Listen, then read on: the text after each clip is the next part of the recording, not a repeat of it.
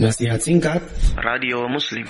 Di antara dalam hadis Rasulullah SAW mengatakan, wa ahabul a'mali ila Allah dan amalan yang paling dicintai oleh Allah Subhanahu wa taala sururun tudkhiluhu fi qalbi muslim, yaitu rasa senang yang kau masukkan dalam hati seorang muslim. Di antaranya au taqdi anhu dainan atau kau lunaskan hutangnya. Di antara amalan yang mulia, kita melunaskan hutang teman kita atau kita mengurangi hutang teman kita. Harusnya teman kita hutangnya 100 juta sama kita, kita bilang bayar aja 70 juta. 30 juta saya ikhlaskan. Nah, kalau ternyata dia bayar semua, kita terima semua, berarti pahala tersebut hilang. Tapi kita dapat pahala niat. Kita dapat pahala niat, bukan pahala amalan. Saya pernah punya utang sama teman saya, orang Saudi. Lagi perlu waktu itu. Teman saya waktu safar. Saya telepon, ya akhi, saya butuh uang. Saya nggak tahu pinjam ke mana. Saya tidak punya kenal waktu itu. Maka teman saya bilang, ya sudah, ada ada uang, ada uang.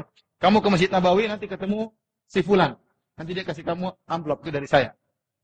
Akhirnya saya datang ke Masjid Nabawi, dikasih amplop beberapa ribu real. Saya ambil. Waktu itu kemudian setelah bulan Ramadan, saya bilang, insya Allah dalam sebulan dua bulan saya ganti. Pas bulan Ramadan saya dapat rezeki. Maka saya telepon dia, saya SMS, saya telepon nggak diangkat, saya SMS.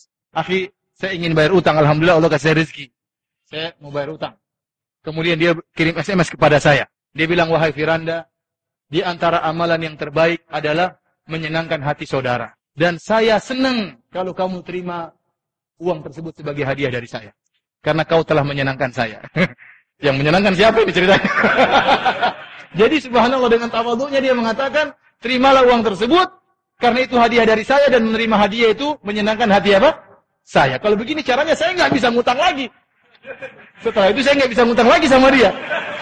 Kenapa kalau saya pinjam nanti kalau nggak mau diganti? Nggak enak ngutang cari orang lain yang minta ngutang. Demikian saja para hadirin Allah Subhanahu wa taala kajian kita. Jangan lupa cari rezeki silakan, perhatikan anak istri, jangan lupa beri hadiah buat orang tua, buat bapak ibu, jangan lupa telepon tante, telepon paman, telepon bibi, adik-adik, kakak ditelepon semua kasih hadiah, ini menambah rezeki, cari rezeki. Dan jangan lupa beribadah kepada Allah Subhanahu wa taala.